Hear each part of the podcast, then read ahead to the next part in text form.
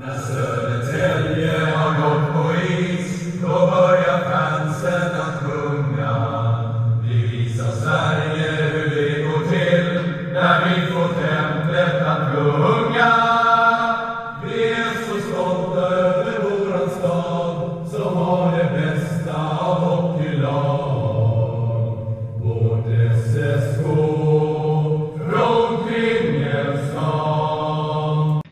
välkomna till podden Täljetokarna. Det är sjunde avsnittet och eh, mitt namn är Adam Gunnarsson. Med mig idag har jag som vanligt Lasse, Lasse Bergström. Varmt välkommen.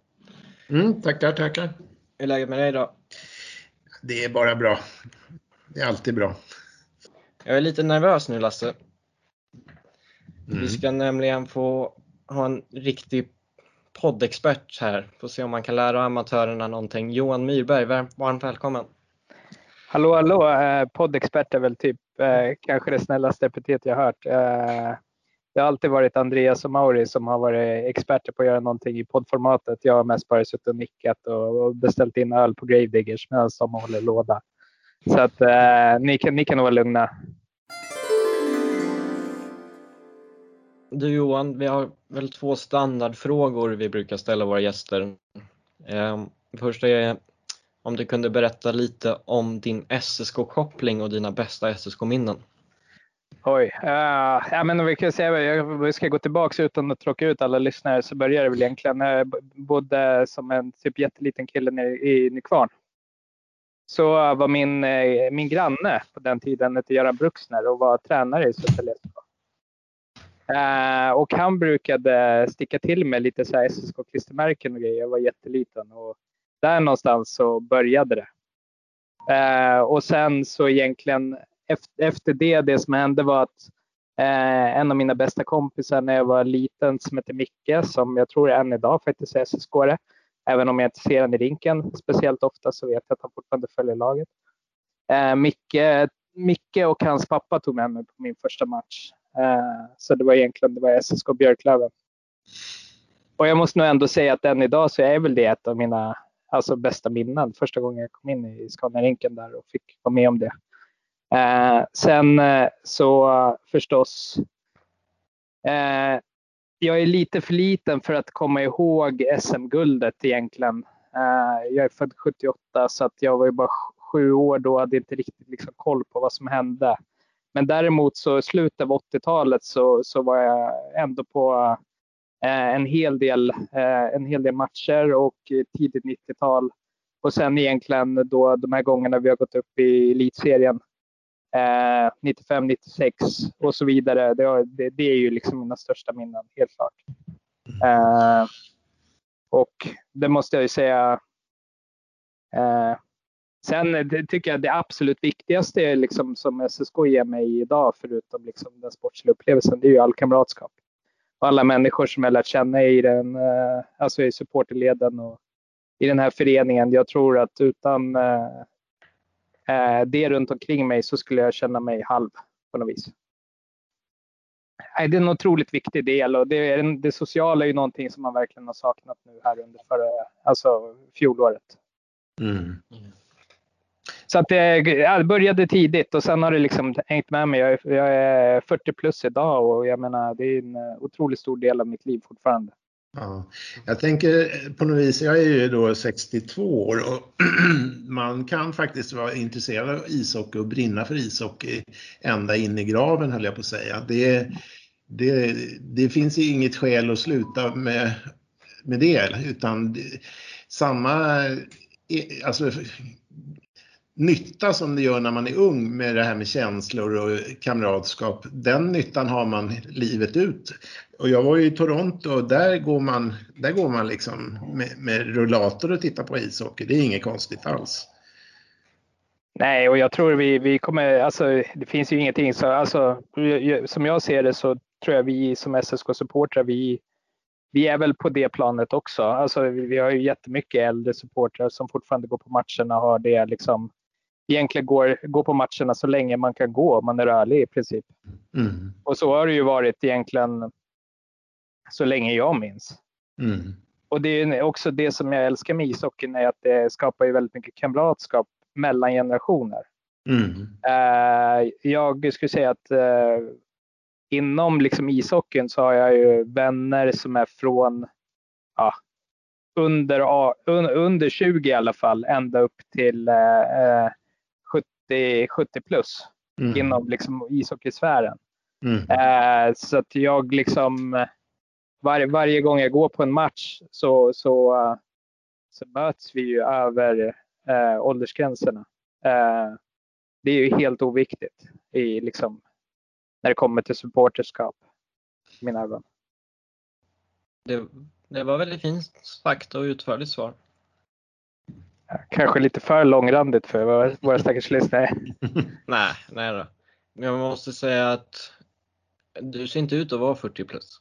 Ja, tack, men det är också för att jag sitter med ett rosa headset.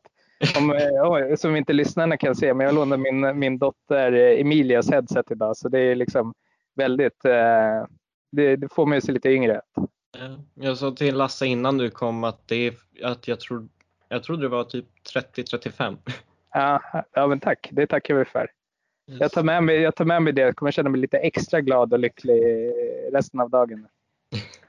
Det ska du göra. Ehm, Jag tänkte fråga om du kunde berätta lite, du jobbar mycket inom supporterklubben. Om du kunde berätta lite vad ni gör och om er roll, om, om din roll.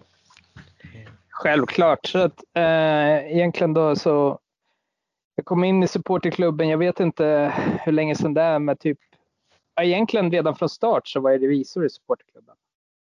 Så att jag, jag eh, hade revisorsrollen och sen så efter några år så tog jag över kassörsrollen. Eh, så att i dagsläget så är jag kassör i supporterklubben. Eh, och sen så eh, fungerar jag väl lite kanske som en eh, rådgivare åt ungdomarna i styrelsen. Så att eh, de utför det mesta av allt hårt arbete och sen sitter jag där lite som den här mogna, du vet lite överrocken, lite som deras samvete på deras axlar ibland. Ja, men skulle vi inte kanske fundera på det här och sådär. Så att jag, det är väl lite det jag gör där, att försöka eh, tillsammans med dem och kanske mina yrkeserfarenheter och mina erfarenheter från eh, eh, Eh, ja, jobba med, med och prata med SSK i andra typer av frågor. Att liksom skapa någonting som är riktigt bra för supportrarna. Så det är egentligen det som är vårt mål. Att både föra förstås eh, supporternas talan mot SSK eller tillsammans med SSK ska vi säga, för vi har oftast en väldigt bra dialog med SSK. Eh, men också att eh, utveckla möjligheten för supportrar att träffas, det vill säga åka på bortamatcher ihop och så vidare.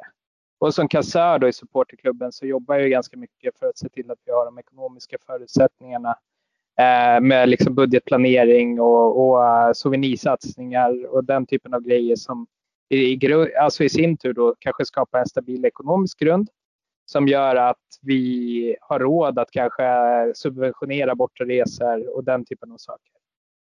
Eh, förutom då det allt eh, eh, vad ska jag säga, praktiska som att fakturor ska betalas och det ska göras en årsredovisning eh, och, och eh, som ska godkännas av en revisor och så vidare. Mm. Vad, är, Alltså- vad är förmånerna om man får uttrycka sig så? Va- Varför, förutom det ideella perspektivet, vad är, vad är nyttan med att vara med? Jag tror att det, den, den absolut största nyttan med att vara med i supporterklubben är att det ökar ens möjlighet att påverka. Eh, vi får en väldigt stark röst mot SSK ju fler medlemmar vi är. Vilket gör att vi då förstås eh, eh, med SSK kan diskutera och driva vissa frågor när det gäller supporterfrågor. Sen är vi också med i Hockeysupporterunionen, alltså supporterklubben. SSKs supporterklubb är en del av Hockeysupporterunionen. Eh, och det är egentligen en sammanslutning av alla supporterklubbar runt om i Sverige som sen för talan mot då SHL och Hockeyallsvenskan. Så att jag skulle säga att det, det är väl, det är väl eh, eh, förutom då att vi förstås har medlemsförmåner och den typen av grejer så är det ju att, att eh, en ökad möjlighet att vara med och påverka för att se att liksom, det blir det bästa för SSK även framåt. Mm. Äh, Om man räknar kronor och ören, vad, vad är skillnaden mellan att lösa en, en, ett säsongskort eller, eller gå i, via er? Det, det, är inte så, det, är, det, finns ingen koppling där, eller hur? I, i, I, dagsläget så tror jag, i år tror jag inte vi har någon rabatt för supporterklubben. Vi har haft det tidigare år. Ja. Så har vi haft en rabatt för medlemmarna i supporterklubben. Mm. Så i, dags, i, i dagsläget finns det ingen sån. Bortaresorna, är de inte bättre att vara ansluten höll jag på att säga? Gud ja, ska vi säga att det är många av våra bortaresor, alltså våra, våra egna medlemmar går ju alltid först på bortaresor. Mm. Mm. Så finns det, inte, finns det inte plats att ta in externa på en buss så kommer vi inte göra det. Eh, åker man på, är man sugen på att åka på en bortaresa per år så kommer du ganska snabbt ha sparat in eh, den där hundringen som det kostar att vara med i supporterklubben. Mm. Hur, hur, många bussar kan det bli på bästa borta matchen? En buss eller två bussar? Eller ja, vi, nog har vi haft, eh, det, det, är inte så länge sedan vi har haft två i alla fall. Mm. Det, det, vet jag, men det beror ju helt på. Det, det, som styr mycket hur många vi kan vara på en bortaresa är ju förstås eh, om vi har bortamatcher på lördagar så är det en stor fördel. Eller åtminstone fredagar. Och sen förstås motståndet, att det är rätt matcher på lördagar och fredagar. Och Västerås liksom... är väl en mycket bra kandidat för att fylla många sittplatser? I Västerås, jag skulle gissa att Jönköping kan definitivt mm. vara en sån. Så att det ska vara, tror jag, inom 30, 35, 40 mil. Där går liksom gränsen för vad folk orkar åka. Om det inte är liksom en match på liv och död. Det är liksom... Men jag, jag, kan verkligen uppmuntra alla att vara medlemmar i supporterklubben för att eh, det eh, vi, jag har ju genomgått några klubbdirektörer genom åren och det jag kan säga är att eh, det behövs en stark supporterförening. Det är eh, och att den lever över tid. Därför att det är inte alltid självklart att den styrelse eller den klubbdirektör som kommer in i SSK eh, har ett supporterfokus och, och egentligen har samma syn på supporterkultur. Så att det, för mig är det helt solklart att vi behöver en stark supporter, en supporterklubb i Södertälje. Ju fler medlemmar vi är, desto starkare är vi. Mm. Hur ska man göra för att bli medlem? Man kan gå in på eh, supporterklubbens hemsida. Där kan man bli medlem. Eh, så att eh, sök supporterklubben Södertälje i, i, på Google så, så kommer ni hitta den. Så kan ni skicka in era uppgifter där. Eller så kan man söka upp oss i vårt eh, i vårt bås i Scaniarinken. Jag tror de flesta passerat det utanför ståplats där. Så mm. där har alla möjligheter att gå fram och bli medlem också. Och betala på plats och skriva in er. Så jag tänkte vi skulle prata lite silly season. Yes. Ehm, det har jag för mig att du tycker ganska mycket om från mina minnen från SSK-podden. Jo, men det tycker jag. Det är förstås jävligt spännande att sitta och spekulera i vilka spelare som kommer lyckas och inte lyckas och vilka, vilka lag. Men sen blir det, det blir mycket spekulation förstås. Det är ändå ganska tidigt här. Vi är i början av juli. Det kommer rassla in mycket spelare i, i många klubbar här närmsta månaden. Närmsta en och en halv månad. Mm. Men jag tänker vi börjar med de som har utgående kontrakt som många tror blir kvar. Eh, Erik Ullman och Rasmus Kajlainen. förlänga, förlänga eller ej? Nej, det är 100% måste förlängas på båda. Eh, jag tycker att vi har tagit in intressanta spelare i SSK, men man kan inte byta ut för många spelare och tro att det ska fungera. Ehm, och jag skulle säga att det redan idag är min liksom, spontana magkänsla att vi har bytt ut några spelare för mycket. Så att det, det, liksom, det finns inget annat än att de måste in i truppen. Ullman har jag ju följt jättelänge. Eh, sen eh, ja, han kom till SSK 97 och, och, och, B-juniorer. Jag eh, hade ganska stora förhoppningar på honom som spelare.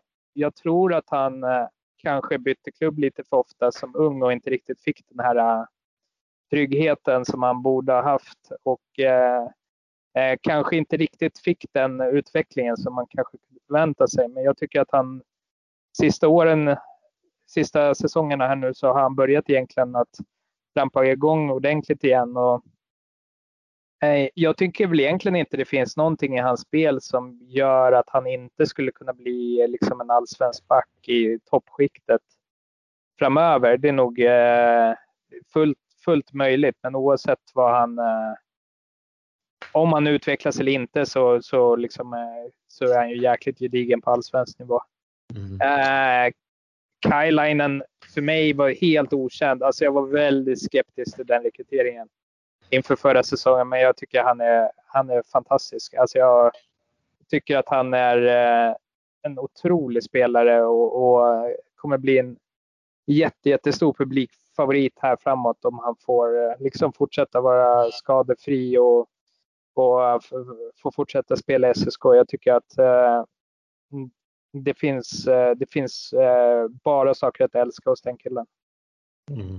Ofta så hamnar man ju i något sådär brunkarfack men jag ser, jag ser passningskvalitet, spelförståelse och spelsinne i killen också. Ja, men jag tror att det finns möjlighet att han kan ta steg. Sen tror jag alltid att han... Eh, eh men det som är fint med honom är ju att han också kan göra en jättestor nytta i en tredje, fjärde kedja. Så att mm. oavsett om man tar steg eller inte så finns det ju en, eh, finns ju en äh, jättenytta av en sån kille i laget. Så att han måste man älska, så jag vill verkligen ha kvar honom som spelare. Mm.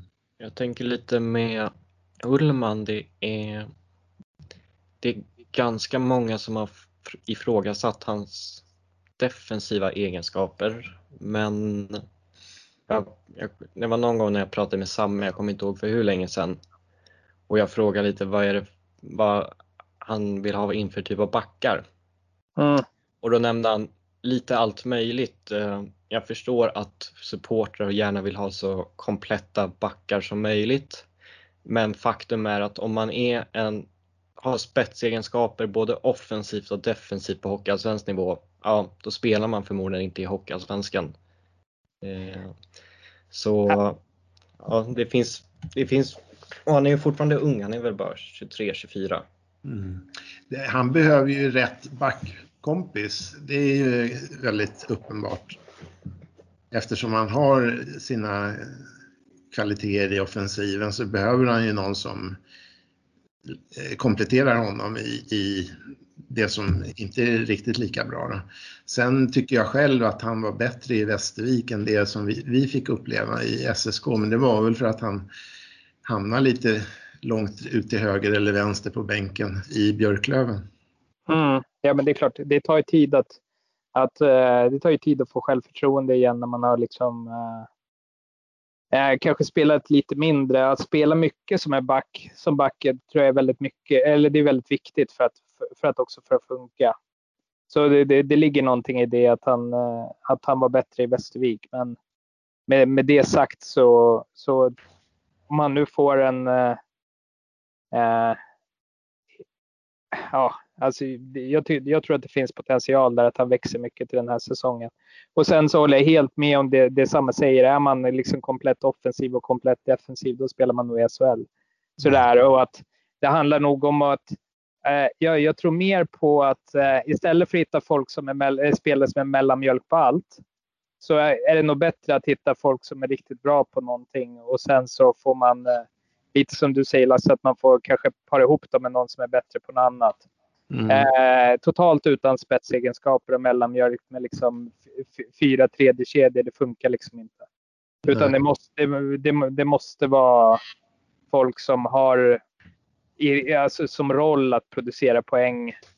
Och sådär. Sen har du en, en bra offensiv back så har ju han möjligheten att se till att, att du inte är i defensiv zon och det är ju egentligen den bästa formen av defensiv det är ju att se till att man slipper vara i defensiv zon. Mm. Och det är många som glömmer. Sen att man, när man hamnar där ibland, kanske råkar tappa pucken någon gång eller tappa markering. Liksom. Mm.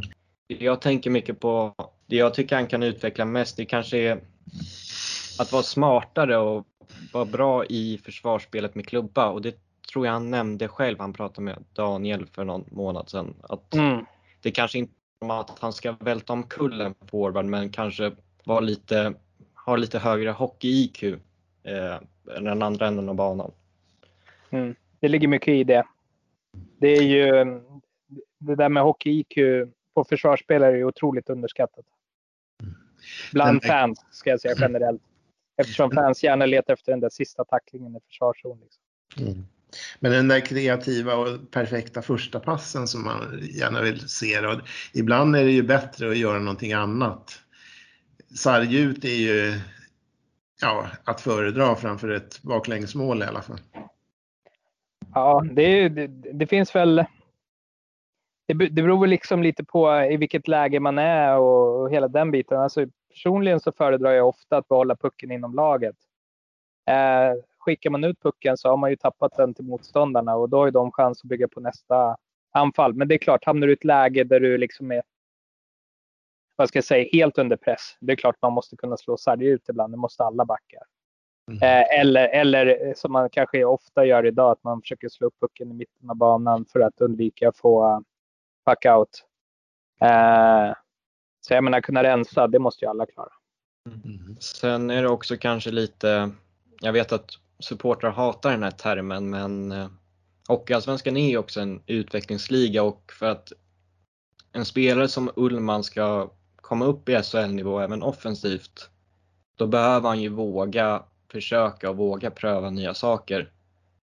Och det kanske, det tänker man ju inte alltid på om det blir ett baklängesmål för att han har försökt slå en första pass helt åt helvete. Mm. Ja, men, eh, precis, så, är det ju. Men, men det är liksom... Jag tror jag, spelare, spelare som lirar med en hyfsat hög risknivå eh, kommer alltid få skit ifrån laget när det går dåligt. Mm. Men du kan inte, liksom, det går inte att överleva med spelare som inte tar risker och bara ha den typen av spelare. Det är omöjligt liksom.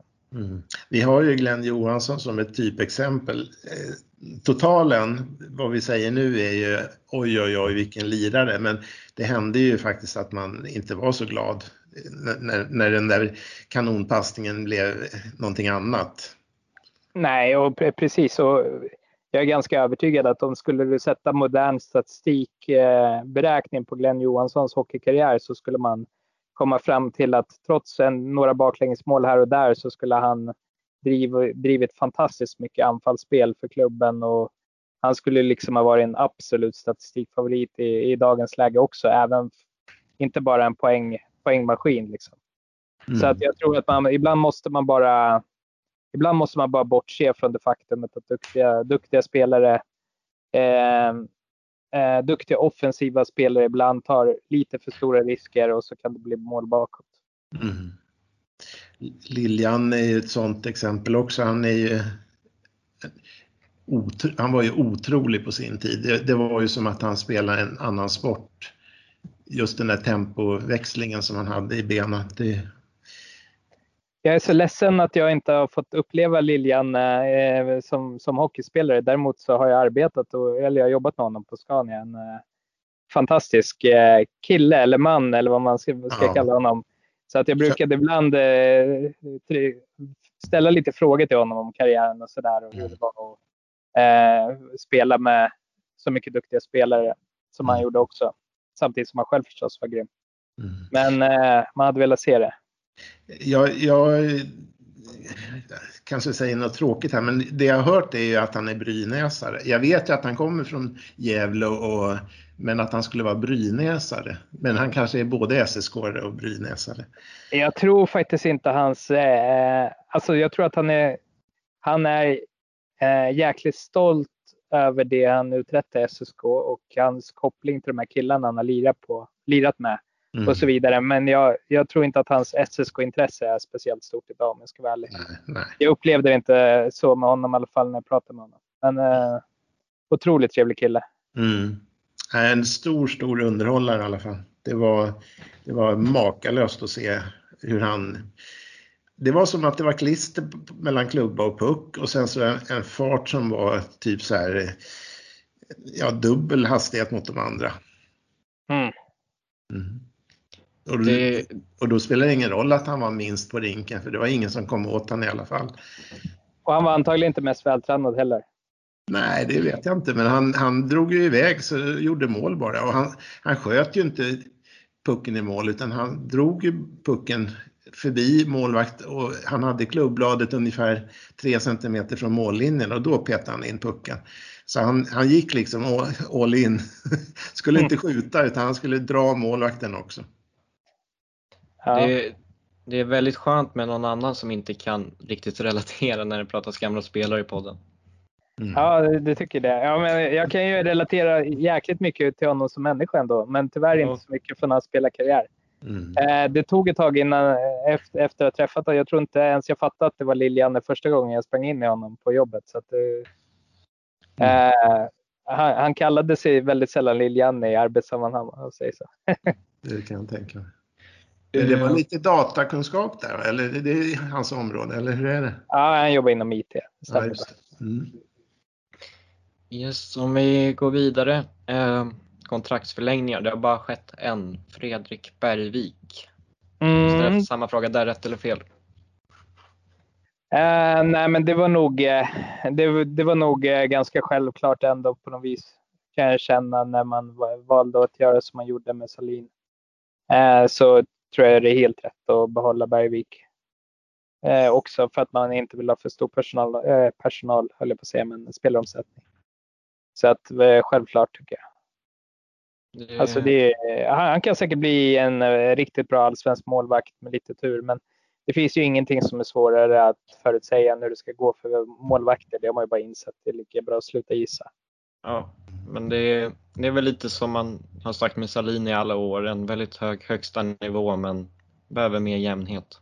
Mm, jo, men det, det ligger väl någonting i det, men jag tycker ändå att han har eh, han, för mig så har han ändå även han har överraskat mig under, under den här tiden utifrån vilka förväntningar jag hade på honom när han kom till Södertälje. Ja, men, det, det finns... men det finns säkert mer att ta av där. Det finns väl inget att klaga på riktigt om man tänker på hans prestationer förra säsongen, men det är å andra sidan en väldigt liten databas. Exakt, jag tror det, det, är, det, är, viktigt, det är viktigt att förstå. Yes. Eh, det borde ju komma mycket impulser ifrån den här nya uh, unga killen som har, uh, alltså det är en annan, det är en annan grundutbildning på hockeyspelare. En, det, om vi säger en 28-årig målvakt har ju en, en helt annat sätt att spela på nu mot för, för tio år sedan. Det har ju hänt så himla mycket. Mm. Medan de nya då inte har det gamla, det där avarterna finns inte i kroppen utan man har bara den här nya tekniken att förhålla sig till.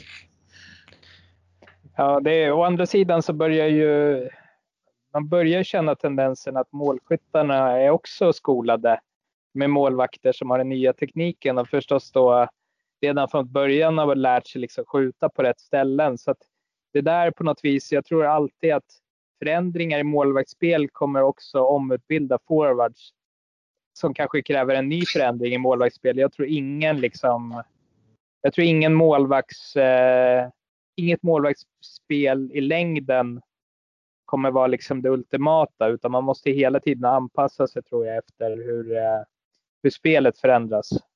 Mm. Uh, så att vi, ja, men det, det ska bli jätteintressant att se. Mm.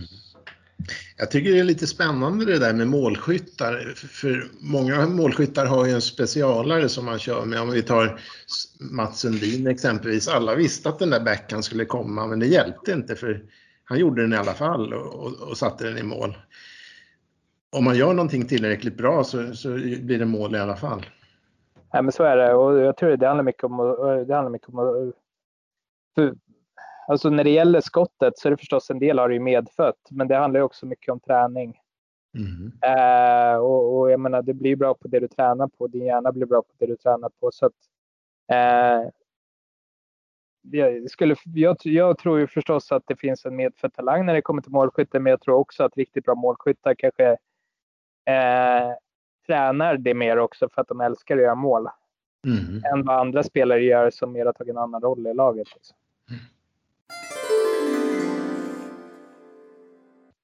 Mm. Um, och sen tänkte jag lite rykten in, då är det väl Hag, Anderberg och Norberg. Är det någon jag missar? Uh, nej, det stämmer nog. Yes. Eh, hur skulle du ställa dig till dessa nyförvärv?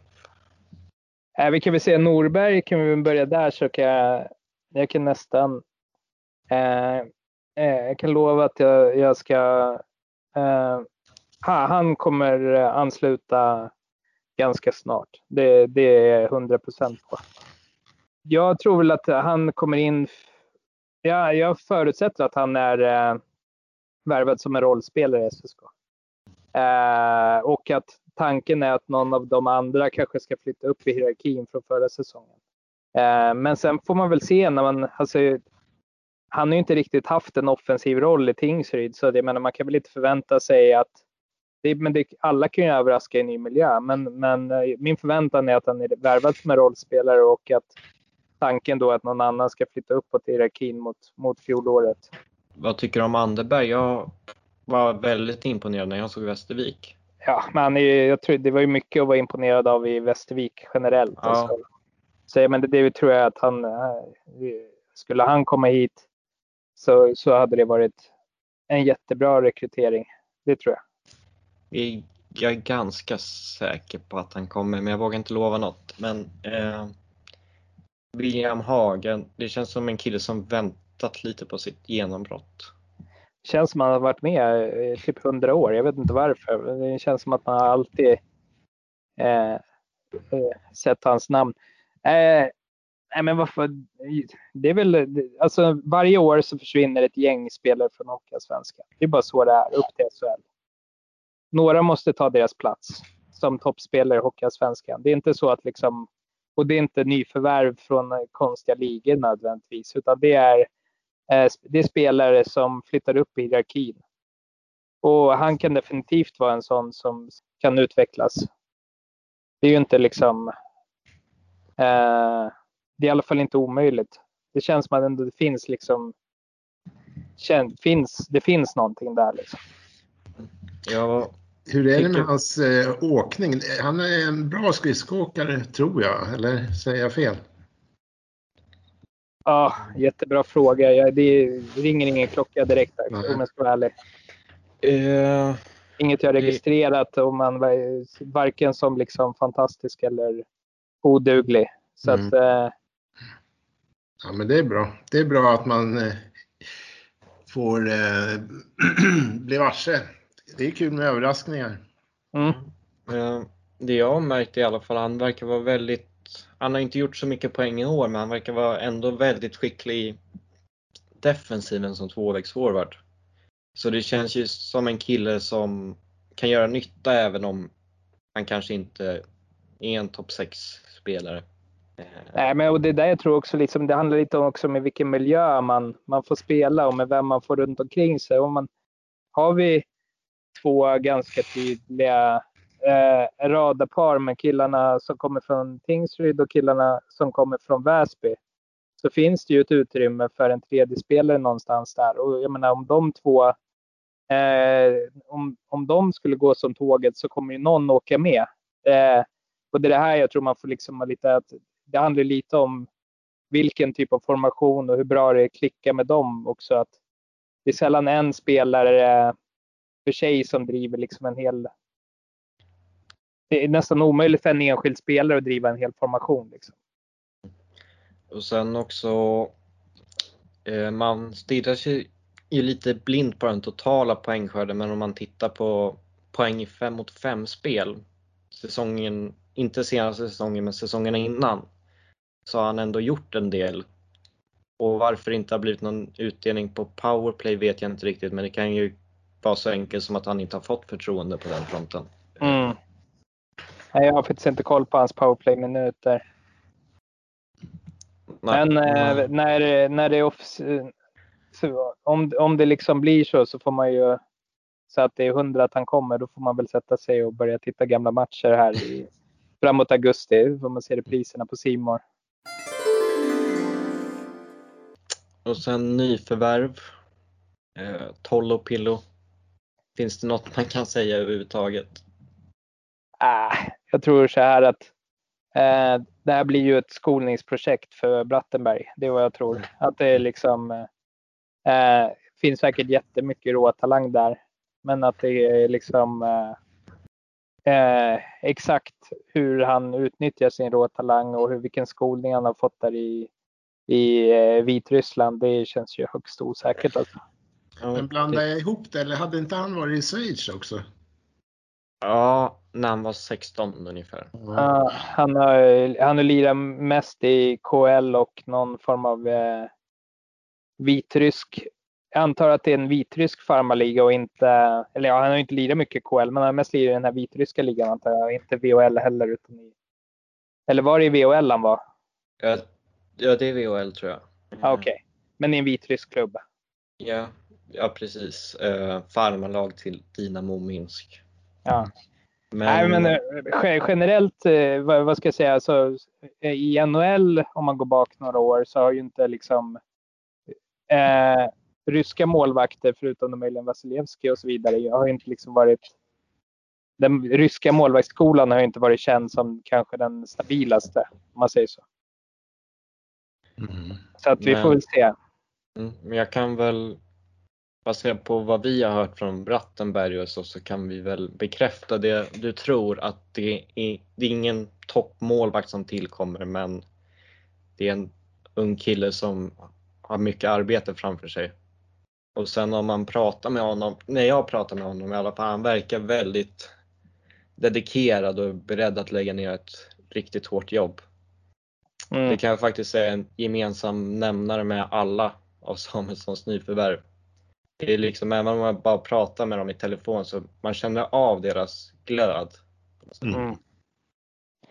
Ja, men det, så, måste det vara en, eh, så måste det vara i Hockeyallsvenskan.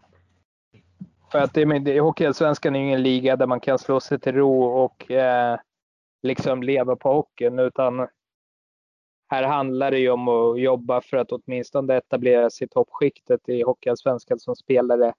Eller eh, komma upp i SHL eller faktiskt lägga av och göra någonting annat. Det är åka runt och, och, och glida Hockeyallsvenskan och, och, och, år efter år utan att ha liksom ambitioner, då är det nästan bättre att liksom söka ett annat jobb om man ska vara ärlig. Det, eh, det funkar inte riktigt, så det är så det ska vara. Det låter, låter positivt.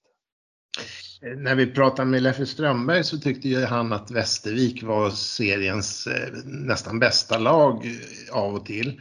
Och eh, jag tänker att SSK kommer ju bli lite Västervik med det här materialet man får nu. Så mm, det kommer inte bli det man har sett nu under många år som är bestående av ett, en första femma som levererar och sen så blir det bara liksom sämre och sämre höll jag på att säga. Nu, Det här är ett mycket jämnt lag.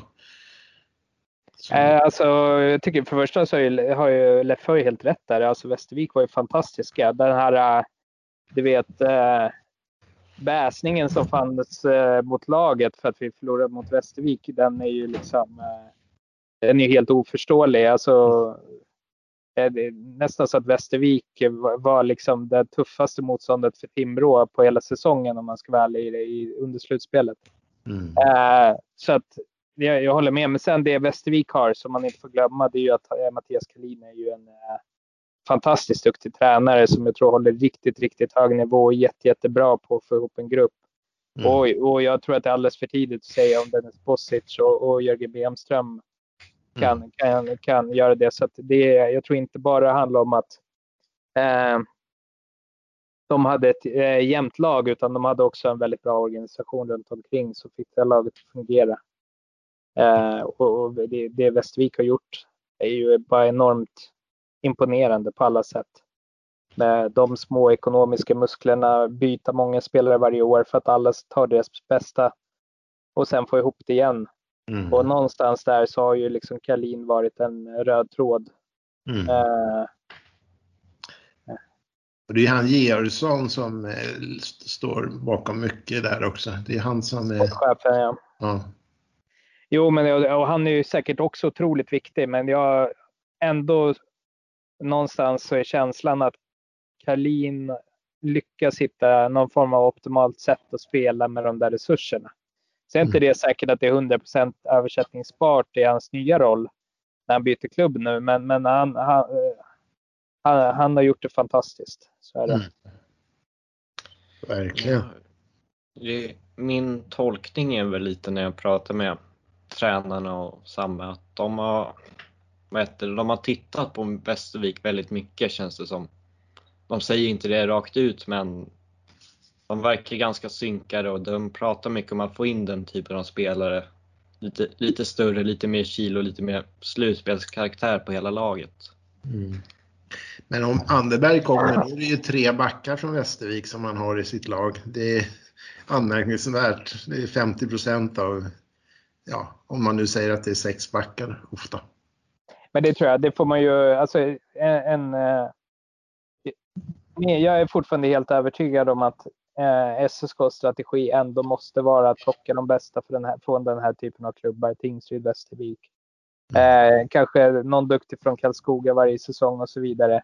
Snarare än att eh, försöka leta i liksom, bottenskiktet av SHL. Mm. Eh, och då få in en kille som har spelat 7-8 minuter per match de sista tre åren och inte liksom riktigt har eh, behöver tagit ansvar på samma sätt. Jag, jag, tror att det här är liksom rätt väg framåt. Mm. Eh, sen kan man inte säga att det är samma sak som att det är eh, att alla nyförvärv kommer göra succé och vi kommer göra en jättebra säsong. Men jag tror helt klart det är rätt väg framåt. Eh, Lukas Nordsäter, klar för två nya år. Han är duktig på att åka med puck och, och eller, generellt duktig med puck. Kanske man saknar ibland att han skulle kunna sätta de här stenhårda första passen, uppspelen. Att han, eh, hela den biten, men jag tycker fortfarande att han eh, utvecklas väldigt bra under säsongen och det hade varit liksom totalt tjänstefel att inte låta honom fortsätta med tanke på hur han liksom utvecklades. Ja, men det gäller också när man tittar på bedömer en spelare så måste man ju också titta på utvecklingskurvan och ser man att man, en spelare har en väldigt liksom, bra utvecklingskurva så finns det ju ingenting som talar för att den inte kan fortsätta. Så att, eh, och han är ju dessutom väldigt ung, så det, jag vet inte, det kändes ändå självklart tycker jag. Mm. Även, om inte, man... även om inte hela säsongen var fantastisk. Yes, och sen får man ju, det är också lite inne där, vi är också lite inne på det där med självförtroende också efter, eller som jag varit inne på tidigare efter bänkningen i Leksand och så vidare. Ja, och den är ju liksom helt rimlig och det finns inga unga spelare som mår bra av att sitta på bänken i några SHL-klubbar. Det är mycket bättre att komma och spela i Hockeyallsvenskan. Jag menar, det är jag ganska övertygad om att eh, en absolut majoritet av alla spelare i 19-20-årsåldern skulle må mycket bättre i Hockeyallsvenskan än att spela sporadiska minuter i SHL.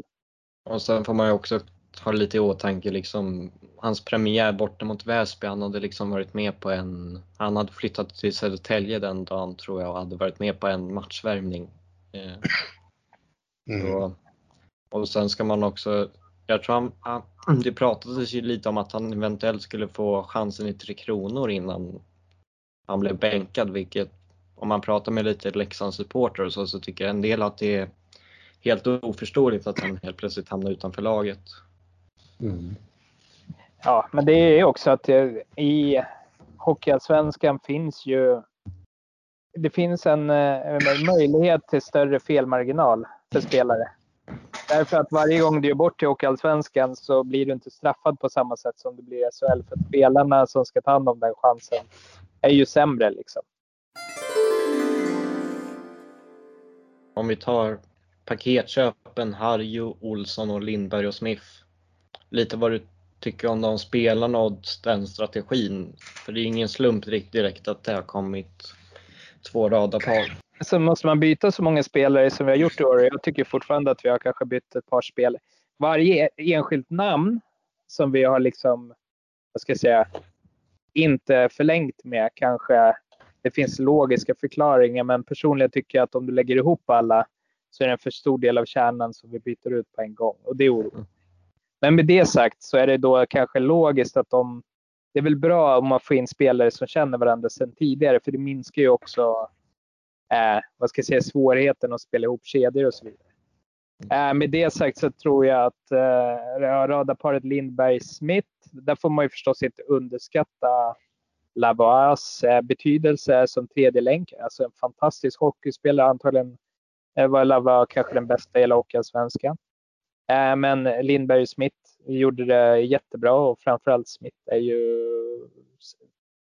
mina förväntningar på honom är att vara en av allsvenskans absolut bästa spelare, kanske efter några av HVs eh, toppar nästa säsong. Eh, så han ska ligga i toppskiktet. Lindberg tror jag kanske inte kommer vara där uppe, men eh, han, kommer, han kommer göra det bra i SSK. Det, är ganska, det känns ändå som ett rätt säkert kort. Eh, Tingsryd-killarna eh, så finns det väl förstås lite tveksamheter utifrån att ja, de var ju jättebra förra säsongen. Eh, Harju kanske inte var alls var lika bra säsongerna innan.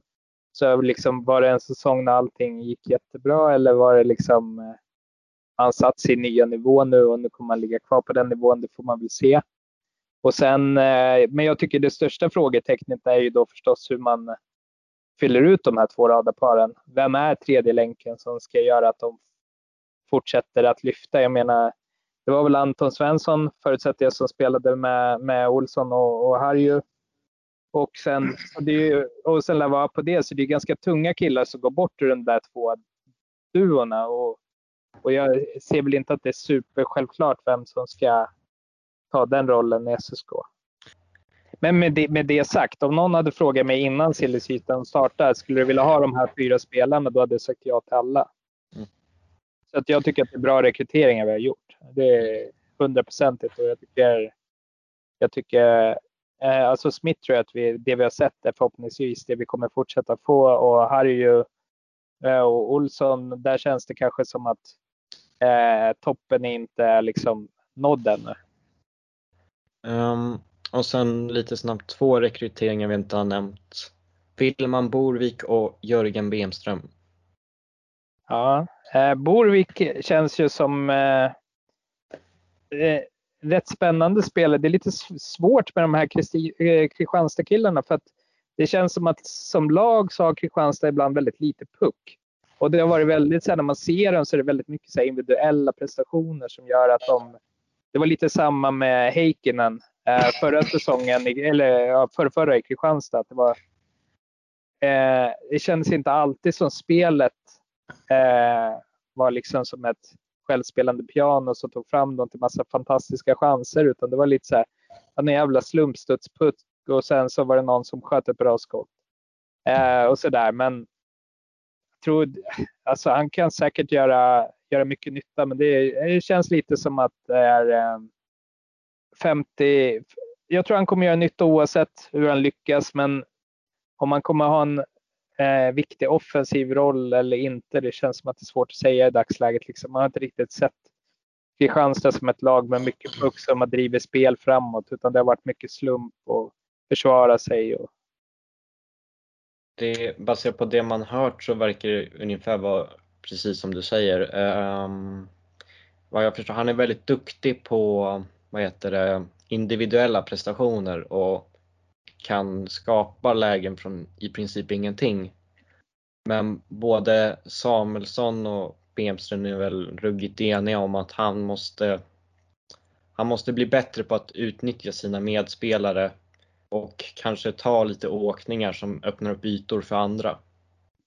Ja, och då är ju frågan som man då måste ställa sig är ju förstås, eh, anledningen att han inte har gjort det, är det för att ingen har berättat det för honom eller finns inte kapaciteten där, alltså spelförståelsen?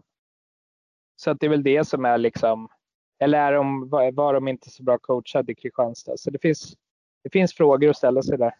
Det kan ju också vara att hans kedjekamrater inte höll en nivå heller för att kunna ha eh, spela klappkappspel in i anfallszon. Mm. Nej, men jag tror det, det, det, det kommer bli spännande att se vart de har tänkt placera honom också. Jörgen, Jörgen. Ja. Uh, jättesvårt att säga. Alltså, för mig är det alltid lite svårt när en tränare har varit assisterande tränare. Mm. Så är det alltid svårt att bedöma ett lags resultat. Eh, utefter, eller liksom en tränares prestation. Därför att han har ju någonstans inte varit huvudansvarig för det som, det som har gjorts. Och många, vad ska jag säga, tränare som har varit duktiga som assisterande har sedan inte alls hållit som huvudtränare. Mm. Så att jag tänker att det är någonstans det är klart det finns en osäkerhet där och det är lättare egentligen att, att veta om man ser till exempel man, någon som har varit huvudtränare för eh, SSKI 20 till exempel så hade det varit lättare att veta därför att då hade man liksom kunnat följa det lagets prestation lite närmare och sett hur de utvecklats över tid och vad som de har Så att det, är, det är lite svårt. Men samtidigt så känns det ju förstås jäkligt bra. Det är ju en Södertälje-kille som kommer hem liksom. Han ska ju vara i SSK, han ska ju inte vara någon annanstans. Man kan väl också säga, man kan ju slänga in den här passusen. Hade han varit liksom en, en självklarhet som huvudtränare, då hade han kanske tagit över Djurgården den här säsongen. När de samtidigt byter, byter tränare, om du förstår vad jag menar. Om det hade varit liksom ett solklart kort. Mm. Någonstans har ju Djurgården bedömt att han är inte deras första tränare i år. Samtidigt har väl det kanske finns mer intresse för att träna Djurgården än för att träna Södertälje. Mm. Ja, du menar att han har en eh, hårdare konkurrens då om tränarjobbet i ja. Djurgården? Ja, själv, självklart är det så. Men jag tänker att han har ju ändå varit i Djurgården. När de bedömt honom som att det här är liksom eh, ett SHL-material redan nu, då hade de ju förstås eh, bestämt sig för att signa honom. Det är ju ingen, är ingen färdig huvudtränar, huvudtränare vi får in på den här nivån. Utan han och Bosic måste hitta någonting tillsammans. Det är bara frågan om man hamnar i en situation där man tycker olika som ledarpar då. Vem ska fatta det här beslutet om man inte är helt ense? Ett beslut ska fattas men man tycker olika.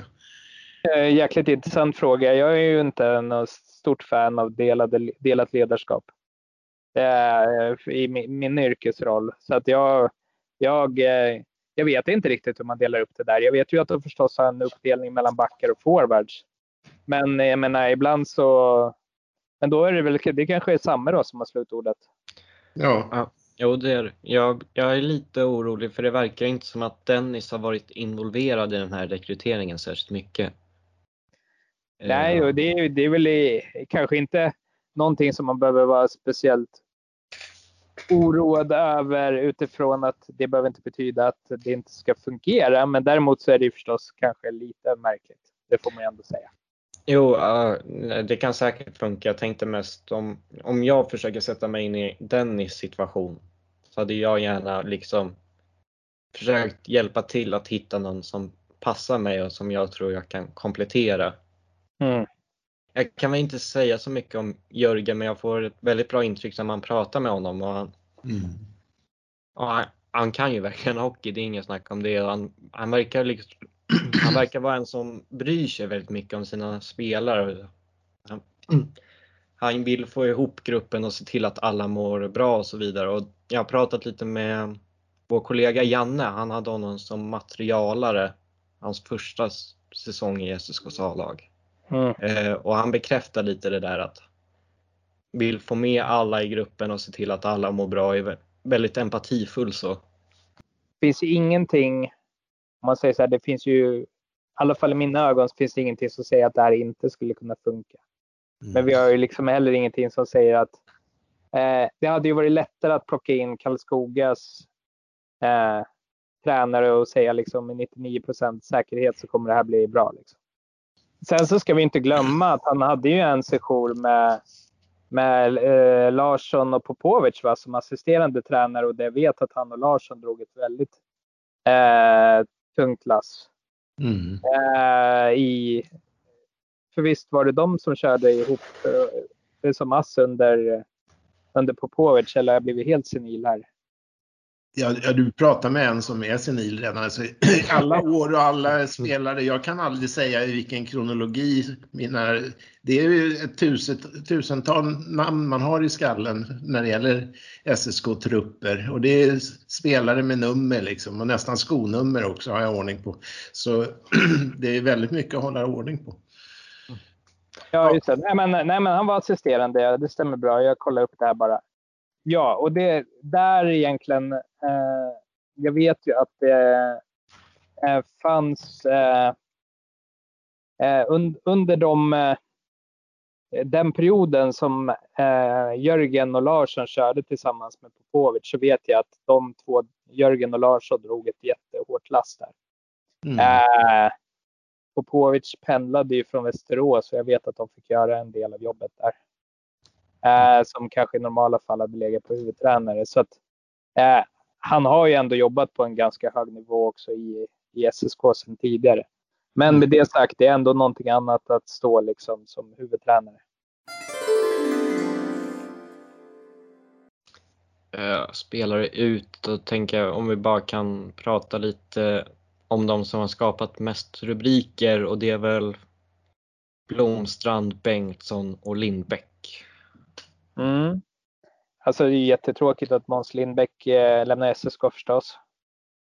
Eh, samtidigt så är det väl liksom eh, full respekt. Jag menar han eh, har varit här en tid nu. Han eh, kanske känner att han behöver testa på något nytt för att eh, ta nästa steg i karriären, alltså att utvecklas, att inte liksom bli för bekväm och det får man väl respektera och sen så eh, det är väl inte mer med det tänker jag. Uh, sen kommer det bli tuff konkurrens om platserna i, i HV men jag tror också att det finns en ganska stor chans att han får ett avancemang nästa säsong. Bengtssons förutsätter att anledningen att man inte förlängde med honom var väl skadeproblematiken. Jag tycker att man skulle ha valt att behålla honom. Mm. Trots det, när man valde att, nu när man blev av med så mycket eh, andra spelare också. Jag, jag, tror inte att det var ett bra beslut. Eh, jag tror att det var en kille man skulle försöka behålla. Eh, Blomstrand hade man ju också gärna sett i SSK.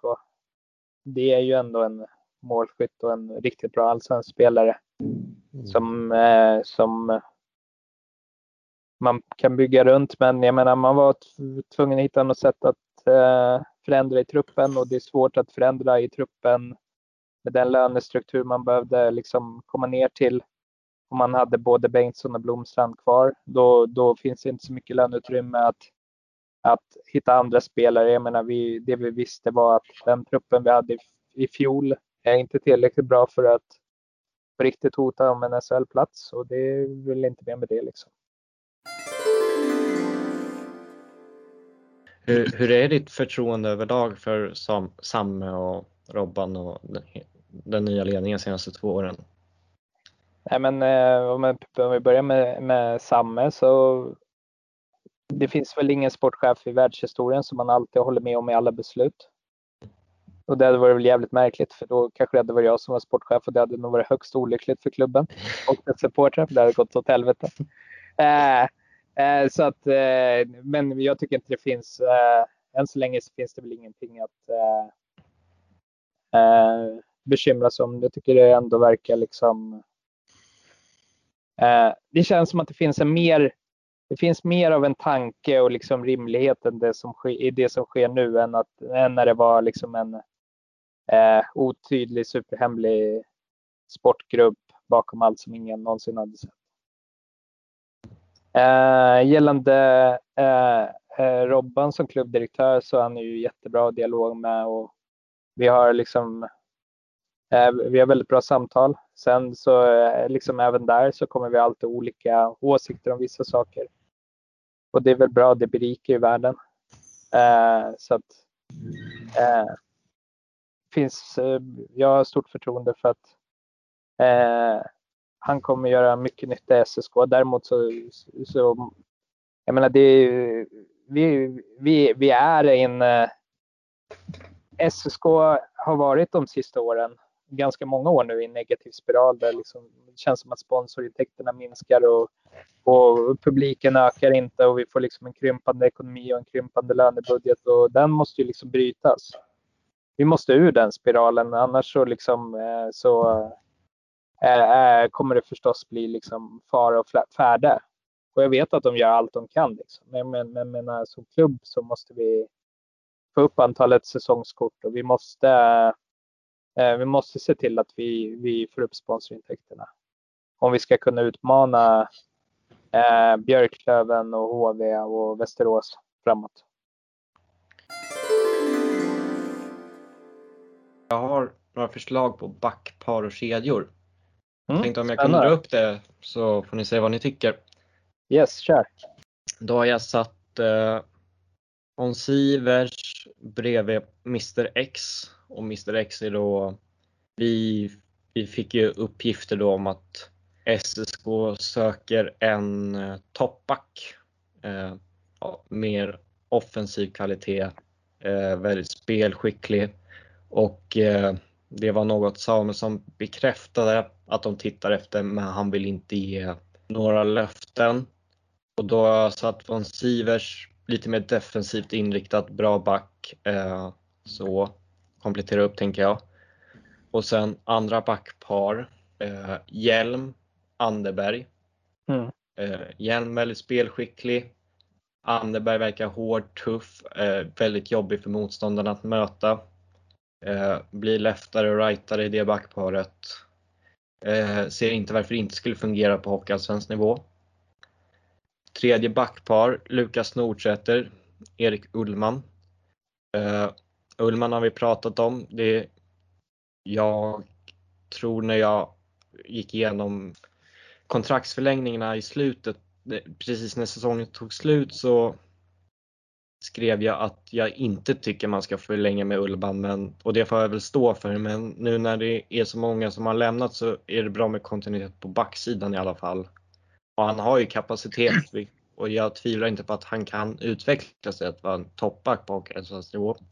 Nordsäter blev bättre och bättre ju längre säsongen led. Eh, jag tycker han har ett bra första pass, skicklig i egen zon, kan utvecklas till en riktigt bra allsvensk tvåvägsback. Och sen utanför då Malmström, Jansson. Jansson tänker jag mest för att han han ska fasas in lite, ska han spela så ska han liksom ta en plats, han ska peta någon. Och Malmström gillar jag faktiskt väldigt mycket men det är mest på grund av att det ser ut att bli en riktigt hård konkurrens. Jag tycker att eh, backsidan är den eh, förutsatt då att Anderberg, Mr X. Eh, alltså jag tror det är ju som Samme säger, han är knappast ensam om att söka en Mr X. Så att det kan ju faktiskt, eh, hela den planen kan ju, kan ju faktiskt haverera eller så, så fortsätter letandet in i oktober och så blir det någon som kommer dit i halvtaskig form. Det får man ju liksom, det är ju liksom fullt realistisk händelseutveckling på den fronten. Men med det sagt så tycker jag att vi har, eh, vi har en backuppsättning som borde duga. Eh, sen, eh, jag tror ju otroligt mycket på Ludvig Jönsson. Alltså jag är ju otroligt eh, jävla spelskicklig och duktig skridskoåkare och spelar otroligt moget för sin ålder. Sen är det alltid svårt att ta det här eh, när förväntningarna börjar öka på en och när man är ung back och är i en väldigt utsatt situation och det liksom blir nerver och sådär. Så är det ju så, så, så, finns det ju risk att vissa saker, ja vi har ju sett liksom Tim Hed, vi har sett Robin Press. Eh, det, man är inne på något baklängesmål, publiken börjar bua, liksom det blir jobbigt. Hela den biten när man har liksom ett, ett offensivt spel. Men alltså Ludvig Jansson, där the sky's the limit nästan. Inte riktigt kanske, men det är otroligt spelskicklig back. Mm. Jag håller med dig fullständigt. Och där har vi Bossic kommentar också att han är otroligt träningsvillig och dessutom har han stora öron. Det är två bra egenskaper för att utvecklas. Samtidigt så kan jag känna att för Ludvig Jansson måste ju spela eh, antingen ska han spela allsvensk hockey eller så ska han spela eh, division 1 hockey i år. Jag tror inte det ger honom någonting att åka runt i 20 så att eh, och ska han spela division 1 hockey så ska han spela i en seriös klubb. Eh, någonstans nere i Småland brukar de finnas eller eh, norrut. Men eh, så där man liksom tränar på riktigt, när man tränar ordentligt. Eh, så att eh, man kan också se ett utlåningsalternativ, men jag tror inte han har stannat i SSK för att bli utlånad. Så att... Jag kan väl tillägga, jag håller med allt ni säger om Jansson. Eh, och jag förväntar mig att alla åtta backar får lika mycket chanser under försäsongen. Och mm. då tror jag han har alla möjligheter att beta någon, men jag tror för breddens skull är det väl bra om Samme har ju en tanke i huvudet och kanske det är bra om de här ungtupparna är till en början i tanken inte topp 6 och respektive topp 12 på kedjorna. Och sen får de lika mycket chanser som alla andra och om de är bättre så ska de spela. Mm. Eh, men om jag säger så här, är det något ni skulle ändra i backparet? Jag tycker du jag träffar jätteväl, speciellt andra backparet. Svårt, eh, svårt att säga tycker jag generellt. Där, alltså, det är väl om man skulle liksom trycka in Ludvig Jansson bredvid von Sivers kanske. Mm. I väntan på en Mr X och det kanske är Ludvig Jansson som är Mr X, det vet man inte heller. Ja. Och så Eh, kanske man ska lägga de pengarna på en eh, p- poängproduktiv ytterforward istället. Känner vi oss klara där? Ska jag gå över till forwards? Det tycker jag. Jag är jävligt nyfiken nu här på hur du ska sätta ihop. Eh, då har jag satt eh, Colin Smith, Tobias Lindberg, Haag. Mm. Och då har jag tänkt att Smith och Lindberg ska spela ihop, det är väl inga konstigheter. Eh, men de, de kan vara lite odisciplinerade, kanske inte alltid är så bra hemåt. Och då, då är jag, jag är lite tveksam. Mr El- jag tror det var Jakob Sjölin som nämnde att han har fått höra att SSK söker en riktig toppforward, en målskytt. Och det passar ju perfekt in där Mm. med tanke på Lindberg lite mer rivig, går in där det gör ont. Smith är lite mer playmaker. Så på det sättet passar ju Mr X in perfekt. Men jag, jag är väldigt svag för Haag på grund av hans defensiva spel. Och det skulle också komplettera de två väldigt bra med tanke på att det är inte, den, det, är inte det bästa forwardsparet hemåt. Och vi har nämnt tidigare att det ändå finns en offensiv kapacitet i Haag. Och eh, Därför har jag satt andra kedjan Harry Olsson och sen Mr X bredvid. Eh, Mm. Och Harry Olsson är väl också en självklarhet att de ska spela. Och så tredje då, Wilman Borvik. Och sen Aronsson, Alba. Ehm, jag tycker Aronsson är väldigt han har en nivå till offensivt. Han är bra hemåt, bra tvåvägscenter, bra på att få pucken genom centrallinjen ibland. Jag tror att han skulle kunna göra en hel del assist igen, med lite mer målskyttar bredvid sig. Mm. Eh, och eh, Wilman Borvik och Alba, det känns ju som en forwardsduo som kan få motståndarna att gråta nästan. Eh, Dahlström, Norberg då, eh, Kahilainen. Mm. Eh, behåller Dahlström och Kajanen det paret och Norberg. Eh, vad jag förstår så finns det väl ingenting att förvänta sig rent offensivt där. Men ha, jag har hört väldigt bra, bra saker eh, från- från Tingsryd håll för hans defensiva spel och han är väldigt tuff att möta. Och om man har en dålig dag gör han alltid nytta. Liksom, när jag pratar med Olsson och Harjo så frågar jag om Norberg och de flesta spelarna skulle väl säga kanske Ja, det är, det är en bra spelare. Jag tycker om honom som per- person, men jag vet ingenting. Men de öste verkligen beröm över honom eh, för hans Mm. defensiva kvaliteter och fantastisk människa sa de också.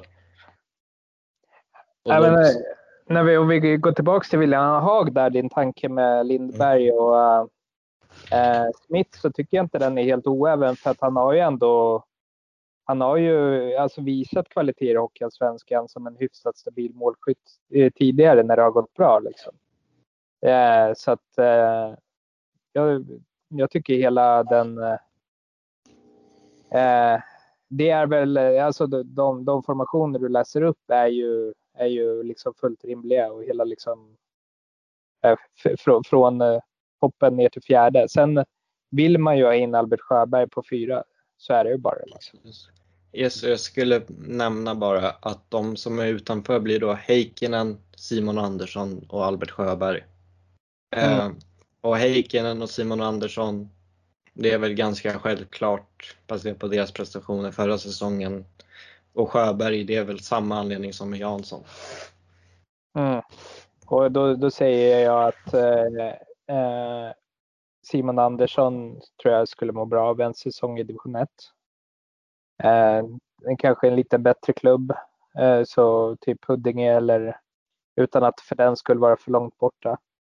Eh, Albert Sjöberg eh, och Heikkinen tror jag kommer förstås spela därför att vi kommer ju aldrig ha liksom alla forwards tillgängliga och liksom hela, hela den biten. Det som jag tycker har varit Heikkinens, min akilleshäl när det kommer till, eller min akilleshäl, det som är Heikkinens akilleshäl kanske man ska säga i mina ögon är att jag tycker att han deltar för lite i spelet eh, utöver då eh, de här eh, situationerna där det liksom trillar ner en puck en och en halv meter, två meter från mål. Eh, det blir lite, blir för lite att sätta upp medspelare. Eh, och kommer inte heller i skottläge speciellt ofta. Och, och, där tycker jag att det måste hända. Så att i mina ögon är det inte heller någon som just nu för mig liksom, han ska självklart få sina chanser, men för mina ögon går han inte heller in såklart på i de formationerna om alla spelare är tillgängliga. Sjöberg tror jag att vi... Eh, han, kommer slå sig in på ett eller annat mm. sätt. Oavsett vad vi, hur, hur, bra de andra än är så kommer Sjöberg hitta något sätt att slå sig in i laget. Det är jag ganska övertygad om. Och gör han inte det så ska ju han, ska ju han eh, spela jäkligt mycket i division 1 någonstans eller i en annan allsvensk förening. Mm. Och jag tänker lite, det blir lite, om vi, det här förutsätter ju att det kommer in två okända namn. Men det är lite, om man sätter in Sjöberg och Jansson, då blir det också att då försvinner någon annan man gärna ser ska spela. Eh, men det är ju också, det är, det är ju en kontaktsport det här så att ja. det, det, kommer ju aldrig vara så att alla spelare är tillgängliga hela tiden. Jag tror inte ens alla spelare kommer vara tillgängliga till premiären. Man har ju redan tappat två killar i försäsongen. Mm. Eh, så att jag tror att det där kommer vara ett icke-problem. Utan alla spelare som är friska just nu tror jag är alla, alla spelare som är friska när det kommer till match eh, kommer behövas. Eh, det, är en, det är liksom har man ju aldrig upplevt en säsong som där man går utan att man alltid har typ två, tre killar skadade. Liksom. Så är det, men jag tycker bara det är värt att nämna för det är inte ofta man känner så innan säsongen. Jag tänker oftast så är det nästan liksom, det går ju nästan, det är nästan säkra pengar oftast att betta på vilka som, försvinner, som försvinner under säsongen eller blir utlånade. Det är väl mm. bara Simon Andersson man känner inte kommer komma in i laget. Ja, i alla fall inte i det här läget. Det beror på hur mycket mm. skador som finns kanske. Ja. Nej, men det är intressant. Sen kan man ju alltid fråga sig hur långt räcker det? Det är ju mm. den stora frågan. Hur bra är konkurrensen? Och allt jag säger nu, det, är för, det förutsätter ju också att värvningarna lyckas. Så ja, det har man väl lärt sig och annat. Ja, och att de är, klarar av att spela ihop. Ja. Så det, men eh, det, det kan mycket väl bli eh, eh, jag har ju svårt att se att vi, vi konkurrerar om, eh, om en topp tre-plats i en grundserie. Det är min känsla. Den, mm. eh, jag, jag, har lite, jag, har lite svårt att, jag har lite svårt att se den just nu. Men, Nej, men när, när, när, du läser upp laguppställningen här så slås jag av att eh, jäklar vilken konkurrenssituation det är ändå i det här bygget.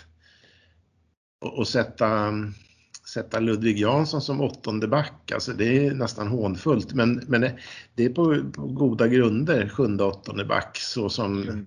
Men å andra sidan, det blir ju lite hånfullt vilken back jag än sätter där, eller? Ja.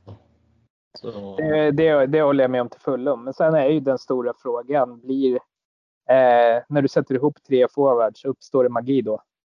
Det är Nej. många gånger man har sett eh, duktiga radarpar spela ihop där tredje länken inte skapar magi.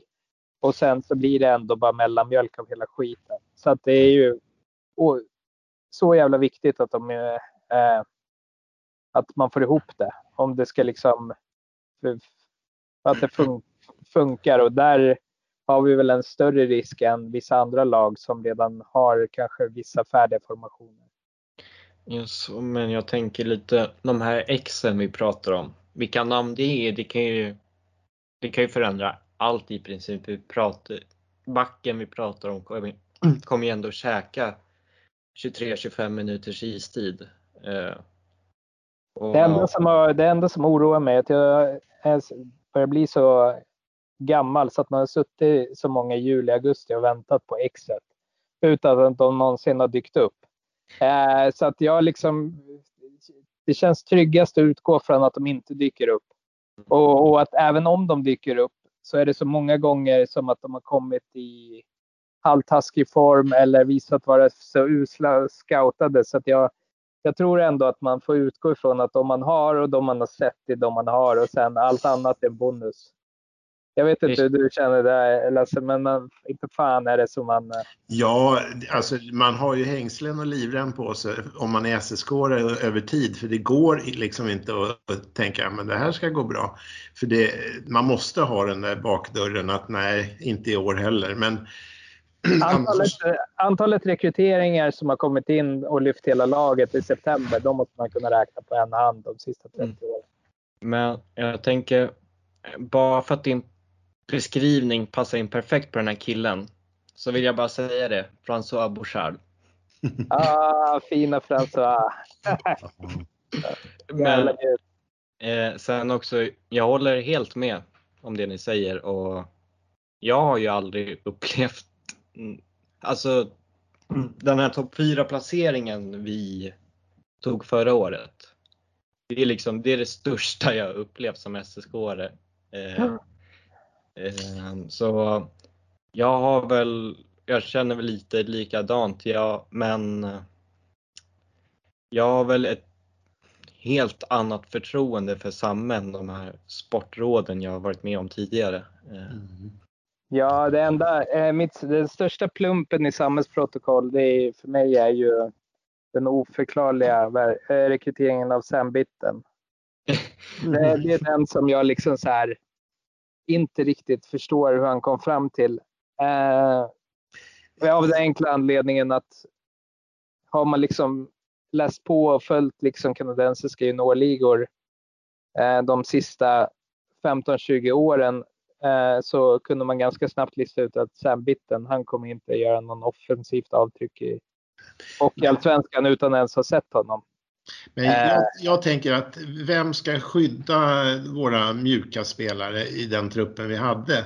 Det fanns ingen som kunde skydda de mjuka spelarna i den truppen vi hade. Och där kom fyllan en funktion. Ja, det vet. Problemet och utmaningen var ju att han eh, hade en annan förväntan. Jag kunde också se en som en rollspelare som kanske kunde hoppa och fylla in i någon, någon fjärde kedja och sådär när någon var skadad och ibland så här. Så det som är lite har varit svårt för mig att förstå det var ju att Samuelsson verkar ha haft en annan förväntan på honom än just det. Det var ju det, det som är liksom plumpen i protokollet att han eh, jag, jag tycker att eh, jag hade helt förstått om han sagt att jag behövde ha in en kille som ibland kunde hoppa in i fjärde kedjan och kanske hade lite kanadensisk medfödd aggressivitet från modersmjölken och gå in, gå, in, gå- in och kasta handsken om så behövdes eller sådär. Eh, men, men jag trodde inte att han skulle liksom leverera offensivt. Det var aldrig plan. Det hade jag supportat 100 procent. I, I efterhand känns det som att man hade kanske behövt vara lite tydligare med vad man ville ha in för de där supporterpengarna. För det kändes som det var väldigt många som skulle förvänta sig att det skulle komma in en eller två spetsnamn. Men istället blev det väl sju, åtta breddspelare. Mm. Och, och för mig- personligen var det aldrig något problem. Alltså att man, att Ja. man valde att göra så, som, som man gjorde därför att jag tror att det kanske var det truppen behövde. Alltså att breddas utifrån att spelare får skador eller eh, ja, du ska in i ett långt slutspel. Och det kanske inte fanns spetsspelare tillgängliga heller. Liksom. Jag har några frågetecken i den här truppen. Jag sätter något litet frågetecken på något ställe. Och det, är bara, hopp- det är bara hoppas att det förvandlas till ett utropstecken. Något jag vill kanske se som ett frågetecken, det är centersidan. Eh, och det, den kanske låter bra när, när jag listar upp de här fyra, men som vi har varit inne på alla kommer inte vara tillgängliga hela tiden. Och om en av Lindberg eller Olsson är borta, är en sån som Aronsson eller Norberg någon som kan vikariera i en andra kedja. Eh, om man tänker de som har varit framgångs de som har varit framgångsrika de senaste åren, de har ofta en riktigt stark centeruppsättning och har i alla fall tre väldigt bra centrar. Mm. Jag tror definitivt Aronsson under en kortare tid kan vikariera en andra kedja. Det tror jag inte är ett problem. Sen är ju den stora frågan, kan man ha... Eh, jag tror egentligen så tror jag det blir, eller egentligen, det, det blir väldigt svårt att vinna det där allsvenska slutspelet med dagens centeruppsättning. Rakt av. Jag tror att under, eh, när man närmar sig slutspel, om man har, känner att det finns en möjlighet att gå upp, eh, så ska man göra som man gjorde i fjol, att försöka hitta nya pengar för att eh, stärka upp laget och då skulle definitivt centerpositionen kunna vara en sån. Men jag, jag har lite svårt att se att vi på pappret ska räcka till mot HV71 i dagsläget. Eh, och, och sen vet jag att det alltid kommer vara de som säger så här, jo men det är många gånger förut har det varit tunga favoriter hit och dit, men eh, som sen har fallit. Ja visst, det kan hända att HV71 inte alls får ihop det och allting faller ihop som ett kort, korthus. Alla Malmö, bla bla bla, men, men det mest sannolika är ju ändå att det inte händer. Mm. Men sannolika är ju att de kommer få ihop det, för de har en otroligt stark trupp. Mm. Och då, det kommer bli väldigt svårt att sätta ut våran centerbeteckning mot den. Mm. Eh, som... Jag har en liten kommentar runt det där med center. För jag är ju svag för det där när man har bra tekningsprocent, men, men det är ju faktiskt inte till 100 Centerns eh, uppgift att vinna tekningen. För pucken går ju till två, en medspelare och en motspelare. Det är ofta ett 50-50 läge i steg två där. Så det är mycket ansvar som läggs på dem som, som får pucken. Det är också rent statistiskt eh, så har jag förstått det att eh, tekningar är ofta kanske överskattade i, utifrån eh, eh, vad ska jag säga, resultatet. Alltså det är en eh, eh, det ser viktigare ut på pappret än vad det betyder för att vinna matchen eller inte vinna matchen. Eh, det, det, är eh, viktigt i kanske nästa situation att du skapar ett skott eller du, du, du får liksom eh, puckinnehav, men det har inte så stor, av, stor betydande för den som vinner matchen på helhet. Mm. Och det, alltså det mesta handlar ju om för mig att om du blir av med pucken så alltså, eh, kan du återerövra puckar ofta på ett bra sätt. Då är mycket vunnet och då kan du göra det även om du förlorar en tekning. Ja, men eh, helt riktigt. Har du, har du då rätt typ av forward som kan sätta press, vinna tillbaks pucken, så, så eh, kommer ju tekningen kanske, och det är samma sak om du möter ett lag som är duktiga på det, då kommer det inte spela så stor roll. Om du har lite backar som inte är så pucksäkra, och så sätter de press i nästa situation så har du ganska snabbt tappat pucken ändå. Eh, så att det, men, men eh, jag tycker definitivt det finns en... Ja, allting handlar ju om vart vi lägger ribban. Är liksom målet att vi ska gå upp i SHL, då tror jag att vi har en del att göra på på den här truppen. Mm. Det som jag förstår det när, man, när vi pratar med Robban, eh, det är lite, de vågar inte riktigt satsa just nu. Men om den här truppen kan överraska och det kan bli några utropstecken, då kanske man lägger in en växel under säsong. Mm. Och, det, och det, det är säkert, jag menar om man ser HVs, eh, framförallt HVs lagbygge i år, så det spelar liksom ingen roll vad man tar in. Man kommer alltid på pappret ha ett sämre lag än dem. Mm. Men när du väl kommer till ett slutspel så finns det förstås möjlighet att göra saker eftersom det är fyra omgångar. Man behöver vinna fyra matcher av sju. Liksom. Men så tolkar jag också lite om man tänker på det där supporterspelaren igen. Du pratade ju Lasse, du pratade med Robban för någon dag sedan. Och då sa han, det, det kommer bli av, men frågan är, satsar vi det på en av de här två Mr X som vi har pratat om eller är det lite mer kanske under säsong? Mm. Om det dyker upp något. Så vi får se. Mm. Jag menar, det, det vi supportrar kan göra under tiden förstås som är eh, kanske ännu viktigare är ju att förlänga våra säsongskort för det är ju säkra, säkra intäktskällor för klubben. Det skapar ju en trygghet på ett helt annat sätt än att sitta och vänta på bil- lösbiljettsintäkter. Så att jag menar, det är ju någonting. Vill man, vill man som po- supporter se en stark trupp så finns det ju en eh, eh, jättebra jättetrygghet för, för föreningen att, att man eh, tecknar sig för ett säsongskort och ett medlemskap. För det är ju, det är ju pengar som kommer eh, eh, pengar som man redan nu vet finns där medan alla andra typer av intäkter eh, i arenan är ju förstås osäkra när man startar säsongen och där vet ju inte föreningen i dagsläget hur mycket publik kommer de få ha i oktober, november, december. Mm. Så att, Det är eh, där tror jag att det är jätteviktigt om man verkligen vill att det ska gå bra för klubben att man, man steppar upp. Så är det och det är lite därför jag förstår att man inte vågar satsa just nu för man vet ju helt enkelt inte hur mycket man kommer få.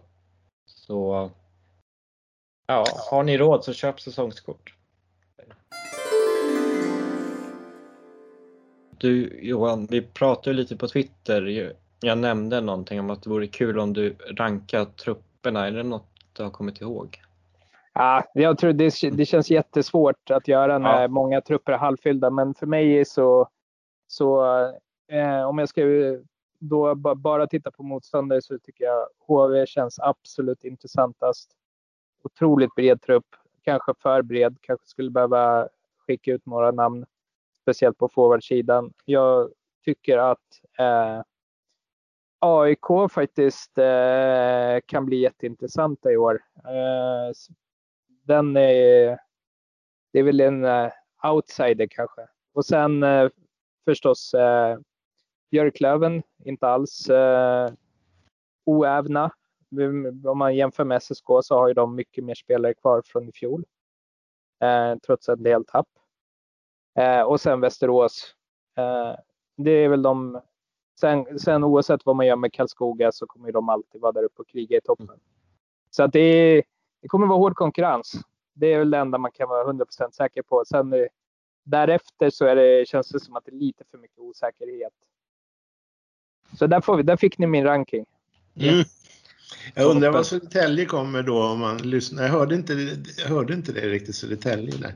Nej, men nu kollade jag bara på motståndarna Ja, ja. eh, i, i det här läget. Eh, Men vi... Eh, finns det potential för topp 5? Ja, det gör det kanske. Finns det potential för topp 3? Nej, det tror jag blir för svårt. Jag tror för trångt. Eh, där uppe finns det potential för topp 1? Nej, tror jag är liksom 3 chans kanske. Mm. Eh, sådär. Men med det sagt, det är ju inte liksom i grundserien vi avgör det här utan det är ju ett slutspel. Mm. Eh, och det är ju en helt annan, eh, det är en helt annan sport. Eh, Eh, och det, får man, eh, det ska man ha respekt för att det är en annan typ av... Eh, eh det är inte alls självklart att... Eh, jag menar Timrå var fruktansvärt överlägsna i fjol. Eh, och både grundserie och, och, och slutspel. Och det kan bli så med HV i år också. Eh, men eh, Eh, det är inte alltid som, eh, vad ska jag säga, bästa laget i grundserien, eller ganska ofta bästa laget i grundserien inte vinner ett slutspel. Så att väl i ett slutspel och sen kanske någonstans eh, om man känner att man har chansen att förstärka laget lite ytterligare eh, januari, februari där någonstans så, så är det klart att det finns det finns möjligheter, men viktigast under hösten är ju liksom att känna sig stabila i topp 8 så man, man känner att man är med. Liksom. Jag tycker det är intressant att det kan skilja så mycket för jag tror jag har SSK som fyra just nu. Mm. Så- Nej, men, och, och, och, jag säger inte att det inte kan hända. Det, det är fullt möjligt. Yes, och sen tror jag AIK, jag, jag känner inte alls någon oro just nu. Jag tror jag, har jag, tror jag hade dem åtta när jag rankade. Men å andra sidan, de har ju väldigt många platser kvar att fylla. De har, Jag många platser, de har många platser kvar att fylla och sen så de de har kvar i laget är ändå rätt, alltså det är duktiga allsvenska spelare som kommer bli kvar en säsong till. Men jag vet, jag har i mitt bakhuvud någonstans att Christian Sandberg eh, ska in där Mm. i De har- AIK-bygget. De har startat någon insamling för Ja, honom. och jag tror inte att man kan underskatta betydelsen av det. Det var samma dag som han drog ifrån AIK så, så föll det korthuset Mm. ihop egentligen och aldrig riktigt återhämta sig. Och även om det känns som att han är äh, ja, 70 plus snart med tanke på hur länge han har varit med i, i, i hockeyn så är han ju fortfarande en, eh, en duktig hockeyspelare men framförallt tror jag att han är precis den ledaren i omklädningsrum som AIK behöver och kan vara lite den här eh, neutralisera eh, de här andra killarna som kanske tar ganska stor plats i omklädningsrummet men inte lika mycket eh, lite elakare så att säga. Jag tänkte bara med AIK där. Max Lindholm är en riktigt tung förlängning. Tappade med Claes Endre också. Det måste ju vara jättebesvärligt. Han är, inte, det är en duktig målvakt men sam- fan alltså AIKs målvaktsspel är ändå lite, han, han var borta ganska, det var mycket han inte stod. Mm. Ja. Jag vet inte om du tänkte på det, det var ofta de hade en annan i mål och jag vet inte om det var för att han hade skadeproblem Mm. eller om det är för att han inte orkar eller, för jag menar de, de var ju, hade ju kniven på strupen. Mm. Jag, jag har en liten reflektion runt SSK-laget också. Det är ju otroligt mycket poäng som har försvunnit nu. Med, eh, och jag tänker, okej, det är möjligt att vi kan eh, täta ihop försvarsspelet lite. Hur tänker ni? För det är det jag tänker, att försvarsspelet bör kunna bli bättre den här säsongen. Alltså, om jag börjar så, ja, jag ser väl bättre helhet, många spelare som är bra över hela banan. Eh, sen tror jag, det, jag, jag tänker inte så mycket, det är så svårt att sia om. Det finns ju inga garantier för att de som lämnar skulle göra lika mycket poäng. Det har kommit in bra spelare också. Så.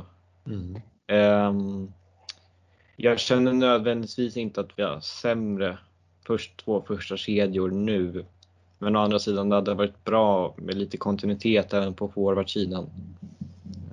Ja, jag, jag tänker nog att sättet att lösa det är ju att spelare måste ta steg upp i hierarkin och, och då måste man också spela mer powerplay kanske än vad man gjorde tidigare. Mm. Eh, och det är så det måste lösa sig, det vill säga att spelare utvecklas. Och det är ju hela allsvenskan förlorar ju enorma mängder mål då inom situationstecken förlorar Mm. varje säsong och de ersätts ju. Mm. Eh, det görs liksom inte mindre mål. Så någon måste ju göra dem där. Eh, sen är det ju bara att hoppas att det är våra killar och att Det är det man hoppas på. Jag tänker, ju- men jag tänker annars, det är inget konstigt som Hockeyallsvensk förening att tappa sina toppspelare. Det är bara att kolla på Karlskoga varje år. Eh, Sen är det lite anmärkningsvärt kan man tycka att vi, har, att vi har valt att inte försöka förlänga med Bengtsson och Blomstrand men ja, Nej, men det är så. Men det, det Karlskoga har är ju en kontinuitet i själva föreningen. Och, det, och, och med, med en kontinuitet så menar jag bara också att de verkligen har en kontinuitet när det gäller att alltid prestera bra. Och den eh, kontinuiteten, den eh, är inte bara att, eh, vad ska jag säga, överföra till en annan klubb, utan det, det, är, det, det finns någonting där som de gör rätt. Liksom. mm. det. och samma sak med Västervik. Och då, vi har ju inte en tradition i SSK av att överprestera. Jag Men- tror det är viktigt att det finns två vägar för den här truppen att gå. Det, det, det kan vara att man gör en Karlskoga så man är uppe och slåss till toppen igen. Mm. Men det kan också vara att man gör Modo och helt plötsligt när åker ur när de här grejerna händer. Och det, Ja. det får man ha respekt för att det är så, när man tappar så många ledande spelare i en förening Eh, så, så ökar osäkerheten vad, vad laget kommer leverera och hur det kommer fungera med, med liksom, eh, enormt mycket mer än vad det gör en förening som har lyckats behålla kontinuitet. Jo, jo, så är det. Jag är medveten om att det finns en ganska stor risk att det påverkar på ett negativt sätt. Eh, Men jag menar, jag, jag tänker lite mer så, ja, det är, jag kände in efter säsongen, det finns en risk för det och då får man göra det bästa av situationen. Jag försökte bara säga att jag, jag, jag ser det som ganska naturligt att det kan hända ett hockeyallsvenskt topplag. Det, jag- jag, håller med, ja, förlåt, det jag håller med, det är helt naturligt. Men nu tänker jag, nu är vår inspelning snart uppe i två Inte, timmar. Inte mer Adam. Du, här får du klippa lite känns det som. Att, ja, framåt. Annars blir det två delar. det känns som vi skulle kunna snacka hockey till gryningen men eh, vi får nog runda av nu tänker jag. I alla fall om du ska ha några lyssnare kvar till slutet av podden. Så, det- Ja, man får sätta farmor och de där och lyssna. Men jag tänker, hur kändes det här? Det var jättekul. Det var roligt att vara med er. Det var kul att få prata lite hockey här i början av juli. Det är inte så ofta man gör det just nu. Så att det kändes kul. Få återknyta lite. Mm. Det som är intressant med våran podd tycker jag, det är ju att vi har ju en åldersstruktur som är, sträcker sig från 18 till 62. Och det är, ja, det blir en bredd då på något sätt. Och där trummade jag in jättesnyggt, precis mitt emellan. ja. För att skapa, skapa den fantastisk, eh, liksom den, den mest optimala åldersstrukturen som en podd någonsin har sett. Ja. Men vi får, vi får stanna där. Ja, ni som har orkat lyssna hela vägen, jag tackar er från botten av mitt hjärta. Ni betyder allt för oss. Jag tror Lasse kan understryka det. Eh, Mm. så ni får ha en tre, tre, Vi önskar er fortsatt trevliga semesterveckor och det här var det sjunde avsnittet av Täljetokarna. Mitt namn är Adam Gunnarsson. Jag har poddat med Lasse Bergström och vi, gästad, vi, gästad, vi gästades idag av Johan Myrberg. Jag har poddat så länge så jag inte längre kan prata så jag säger tack och hej. Hej, hej då! Hej då.